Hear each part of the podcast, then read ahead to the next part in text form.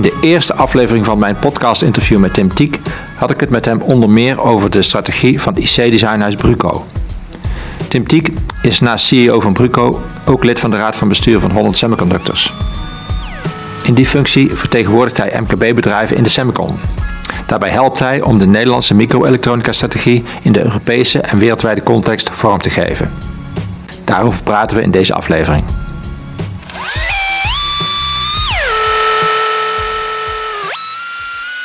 Nou gaan we het dadelijk hebben over de Europese context waarin Nederland zit. Maar misschien kun jij ook even schetsen met welke technologieën, als je het hebt over chipproductie, welke technologieën Bruco nou specifiek te maken heeft. Jullie, jullie designs, waar worden, die, waar worden die nou typisch eh, gemaakt? In wat voor processen en, en, en waar? Misschien kun je dat ook even zeggen. Ja, dus ten eerste, Bruco is een onafhankelijk eh, IC-designhouse. Mm Dus wij zijn niet verbonden aan één specifieke fab. Ja. We hebben geen commercieel belang om voor een bepaald. En dat is ook een van de krachten, want ja, dan kunnen we dus ook objectief onze klanten adviseren. Er zijn wel een paar fabs die we meer gebruiken dan andere. Dus we doen de laatste tijd heel veel met Global Foundries. Mhm. En dat heeft natuurlijk met onze RF-specialisatie te maken. En dat Global Foundries ook een, een, aantal processen heeft opgetuigd die daar heel erg goed bij passen. Die hebben Silicon on Angulator geloof ik. Uh, ja, ook. Ja. ja. dus bijvoorbeeld voor uh, als je RF-switches maakt, dan is uh, SOI heel geschikt. Mm en dan hebben zij op dit moment een van de, ja, als je echt high performance switches wil, hebben zij een hele geschikt proces uh, nodig. Wij doen ook met NXP uiteraard uh, mm Je, je, hebt klanten die het gewoon in hun eigen fabrieken maken. Mhm. Dan zit je natuurlijk uh, daaraan vast. Maar je hebt ook een heleboel klanten waarbij je keuze hebt voor een, een fabrikageproces. En ja, meestal heb daarbij, je keuze. Ja, meestal heb je keuze. Ja, ja, bijna altijd. Als je meer naar de analoge designs kijkt, bijvoorbeeld uh, high voltage uh, dingen of uh, drivers, komen we ook wel eens bij XFAB terecht. Mm -hmm. we komen wel eens bij, we hebben met Tower hebben we het nodige dingen gedaan. Mm -hmm. Dus de meeste fabs kennen we wel. Mm -hmm. Het is natuurlijk wel inefficiënt om, voor, om, om elke keer naar een volledig nieuwe ja. fab te switchen, want ja. je hebt, bouwt wel bepaalde ervaring op. Ja. Maar eigenlijk is het zo dat wij eh, voor de klant altijd de beste keuze kunnen aanbieden voor, qua fab. Ja, ja nou, heb je, nou heb je ook in, in RF en analoog heb je natuurlijk sommige delen van je circuit wil je eh, digitaal uitvoeren. Ja. Voor digitaal wil je natuurlijk het liefst zo klein mogelijk. Hè? Maar wat zijn nou typisch de structuren, zeg maar de echt, als je echt in de high-end zit? Wat, wat heb jij nog nodig? Bruco doet geen uh, puur digitale chips. Hè, dus Ook geen stukjes? Uh, wel stukjes. We hebben wel uh, digitale engineers. En ik bedoel, tegenwoordig kun je eigenlijk geen design meer doen zonder dat er een stukje ja. digitaal in zit. Ja. Ook RF-chips. Je hebt altijd een stukje configureerbaarheid nodig. Mm -hmm. En digitale interface ja. om dat in te stellen. Maar daar, daar selecteer je dus je proces nooit op? Nee, wij, wij gaan niet voor processen die nee, primair nee. voor digitaal zijn geoptimaliseerd. Nee. we zitten ook niet in hele kleine procesnodes. We, 10 nanometer of zo, daar, daar doen we eigenlijk niks mee. Wat je wel ziet is uh, als je de combinatie hebt van een RF en redelijk veel digitaal, dan kom je, uh, heb je uh, bijvoorbeeld een, een 22 FDX van Global Foundries is daar geschikt voor. Dat zie je ook bijvoorbeeld voor VST-achtige toepassingen. Was is dat, 22 FDX? Ja, dat is eigenlijk hun propositie voor iets wat wel een relatief kleine node is. Aha. Maar ook heel erg geschikt voor RF. Alleen ja. het, de keerzijde is, dat is dus wel een vrij duur proces. Ja, ja als het niet nodig is om zoveel digitaal te integreren, dan gebruik je dat normaal ja, niet. Het is een dure fabriek die je dan, die je dan moet gebruiken. En wat, wat zijn de kleinste details, zeg maar, voor de, de luisteraars die dus zich daarvoor 22. 22 nanometer. TSMC hebben we ook wel dingen gedaan, uh, bijvoorbeeld, maar dan uh, via een broker. Wat bij Global Foundries voor ons ook leuk is, is dat we ook, wij doen daar rechtstreeks zaken mee. Hè, er zit niemand tussen. Mm -hmm. uh, we hebben een vrij goede band met, met het management van Global Foundries. We zijn ook zogenoemd RF partner een RFWave-partner. Dat betekent dus dat zij ons ook aanbevelen, diverse partijen, als een, heel capabel uh, designhouse. Ja, ja, ja. Zij proberen dat is ook een voordeel, ja. ja. ja dus zij uh, willen natuurlijk load hebben. Partijen die aan hun chips toeleveren, die zullen ze promoten als ze die goed vinden. Ja, ja dus Global Founders heeft een eh, partnerprogramma waarin ze inderdaad dat proberen te bewerkstelligen. Nou, daar zitten een paar designpartners bij, ook niet zoveel, maar wij zijn er één van. Mm -hmm. En we zijn dan ook uh, daar, daarvoor geschreven als, als de partij die uh, LNA's, uh, switches, uh, dat soort dingen, hè, die daar veel LNA's kennis zijn. heeft. Low noise amplifiers, okay, bijvoorbeeld ja, ja, ja. je antenneversterker van je Versterkertjes met laag ruis. Ja. Ja. Uh, Tim, er is een kans dat Nederland meer gaat investeren in uh, microelektronica. Hè. Dat is een, uh, strategische richting die Europa wil kiezen. In het verleden zijn er wat IPSAI-gelden voor een IPSAI-programma gaan lopen. En dat is, daar hebben vooral Duitsland en, en Frankrijk in geïnvesteerd. Nu denkt, denk, denk Nederland erover na om aan te haken. Kun je, kun je misschien even vertellen wat IPSAI precies is, wat het inhoudt? Ja, IPSAI staat voor European Project of Common Interest. Mm -hmm. Dat is een eigenlijk een heel groot programma vanuit de Europese Unie. Uh, dat beschrijft van deze dingen vinden we zo, in, zo strategisch belangrijk voor Europa. Ja. Dat we daar bijvoorbeeld de staatssteunregels kunnen versoepelen. Ja. En ook kunnen faciliteren dat daar geldstromen vanuit de lidstaten voor beschikbaar komen. Dus er komt niet rechtstreeks geld vanuit Europa, maar vanuit de lidstaten. Maar het is een heel groot, allesomvattend programma. Er is inderdaad al eerder een IPSAI geweest op microelektronica, waar Nederland er niet aan mee heeft gedaan. Mhm. De huidige, de tweede versie, uh, IPSAI 2, daar staat Nederland wel goed voor gesorteerd. Daar zijn ook vanuit EZK onder andere, maar ook vanuit de bedrijven zelf, de ASML en NXP, worden daar, uh, wordt daar behoorlijk uh, aandacht aan besteed. Het is nog in eh, wording, hè, dus het is nog niet volledig concreet van wel, hoe ziet het programma dan exact uit in de uitvoering. Ja. Alleen wat belangrijk is, is dat we in ieder geval aan tafel zitten en dat daar nu goede voortgang is. Mm -hmm. En we hopen dat het leidt tot uh, een enorme boost in high-tech en dan ook specifiek semiconductor. Ja, het, is, het gaat wat, wat verder dan de onderzoeks- of de ontwikkelniveaus of de uitvindniveaus, waar, waar de, de zogenaamde TRL-niveaus, waar, uh, waarbij partijen die eraan meedoen nog niet zo heel erg met elkaar concurreren. Het gaat echt al om de invulling van dingen als, als productie en, en vergaande ontwikkeling. Ja, en dus ook wat je nu bijvoorbeeld ziet is per regio en even high level, zeg maar de China, Amerika, Europa. Ja. Wat is je market share in bijvoorbeeld semiconductor? Nou, we hebben nu natuurlijk mede door alle leverproblemen die er nu zijn, heel veel focus uh, op uh, van hey, eigenlijk hebben we een, maar een relatief klein stukje van semiconductor. Hè? En dat concluderen we nu uh, op, op hoger politiek niveau in Europa. Hetzelfde gebeurt in Amerika overigens. Mm -hmm. En wat je natuurlijk ziet is dat de wereld is geen level playing field meer. Nee. We hadden ook vanuit de overheden hebben we heel lang gedacht van nou, alles is marktwerking. Nederland heeft, heeft dat nog sterker dan sommige andere lidstaten van Europa. Alles moet met, met uh, marktwerking opgelost worden, want ja. uh, we hebben een kapitalistisch systeem en dat regelt zichzelf. Ja. Dat is ook lang zo geweest. Alleen, uh, we hebben ondertussen natuurlijk geen level playing field meer. We, zien, we weten natuurlijk wat China doet. enorme geldstromen mm -hmm. en, en, daar heel veel bedrijven van kopen. En wij proberen, tot voor kort proberen we nog het beste jongetje van de klas te zijn op het gebied van staatssteun. Ja. Nou, China is niks anders dan staatssteun. Dus ja. we moeten ons een keer achter de oren krabben van... moeten we daar niet wat anders mee omgaan? Nou, en dat is precies waar IPSAI mee te maken heeft. Ja. Dus het is heel veel meer dan... Uh, we moeten in een bepaalde technologie voor investeren... in uh, inderdaad lage TRL of aan de researchkant.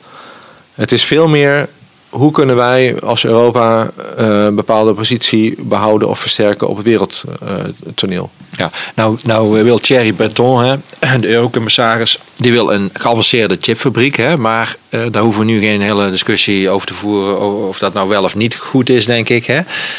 Jij praat vanuit uh, Hightech NL ook met de overheid, een partij, die, partij in Den Haag, die, die willen weten eigenlijk van de industrie waar dat precies op ingezet moet worden. Ja. Wat is nou volgens jou belangrijk om die, als het gaat over microelektronica, waar kan Nederland echt wat betekenen om die micro, microelektronica activiteiten van ons te versterken? Nou, we hebben van oudsher natuurlijk in Nederland uh, zijn we erg sterk op, juist op het gebied van RF. Mm -hmm. Kijk naar de, de wifi, bluetooth activiteiten. een heel belangrijke rol in Nederland ja, weggelegd. Zeker, ja. Dat is misschien in absolute zin een relatief kleine groep mensen. Hè? Want als je kijkt mhm. naar echte RFIC-designers of zo, er zijn natuurlijk niet zo heel erg veel van.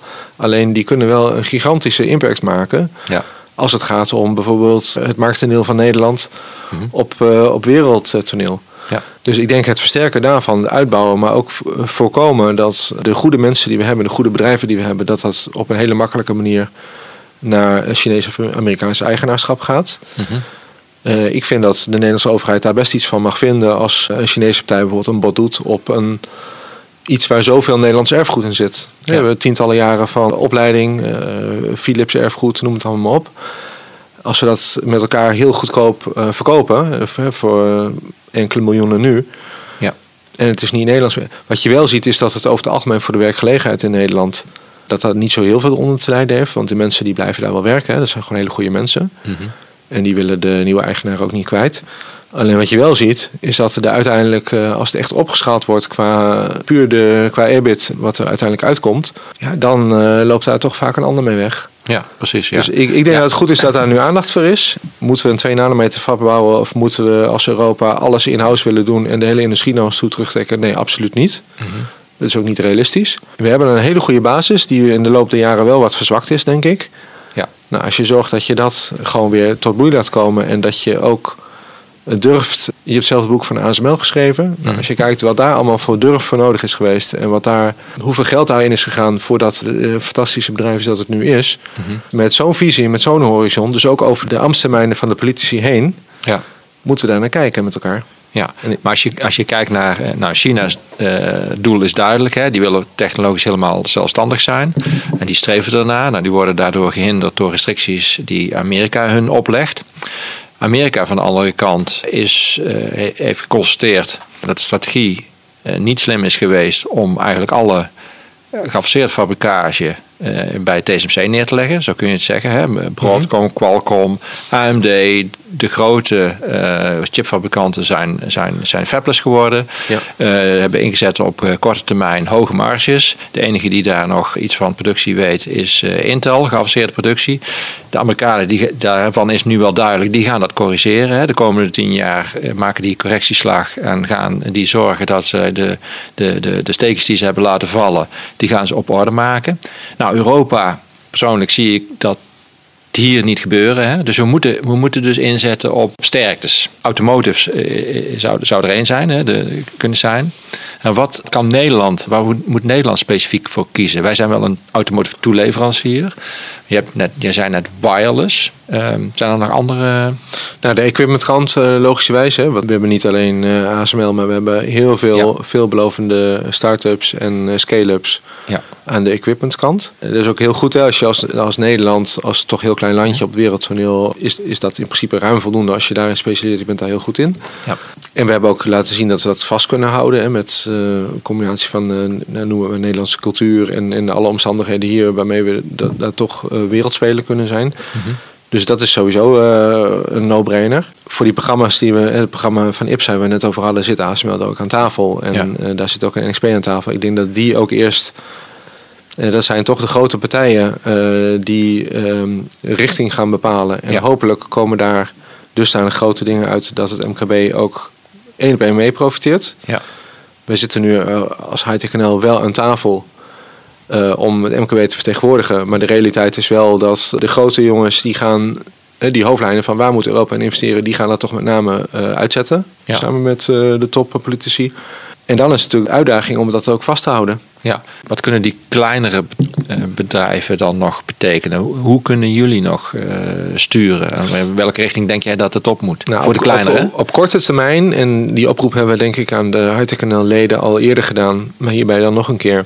Als je zegt van, daar, daar gewoon goede ideeën en visie op hebt, deel het dan alsjeblieft met NL, hè, met, met eh, Willem of met een van de andere mensen. Want wij kunnen echt een sterke vuist, we, we zitten ook echt aan tafel met eh, bijvoorbeeld economische zaken, om die feedback te geven. Mhm. Op dit moment zit dat hem heel erg in de equipmentkant, RF-kant, eh, de dingen die ik al noemde, eh, om dat verder te versterken. Mhm. Maar als wij twintig leden hebben die zeggen van maar het moet ook absoluut die en die hoek zijn, weet ik veel, eh, AI-chips of whatever, Ja. daar moeten we ook heel veel in doen. Ja, maak het kenbaar. En wij proberen dat zo goed mogelijk te consolideren. En, en dat, dat als stem namens ruim 200 eh high-tech bedrijven over de bühne te krijgen. Ja.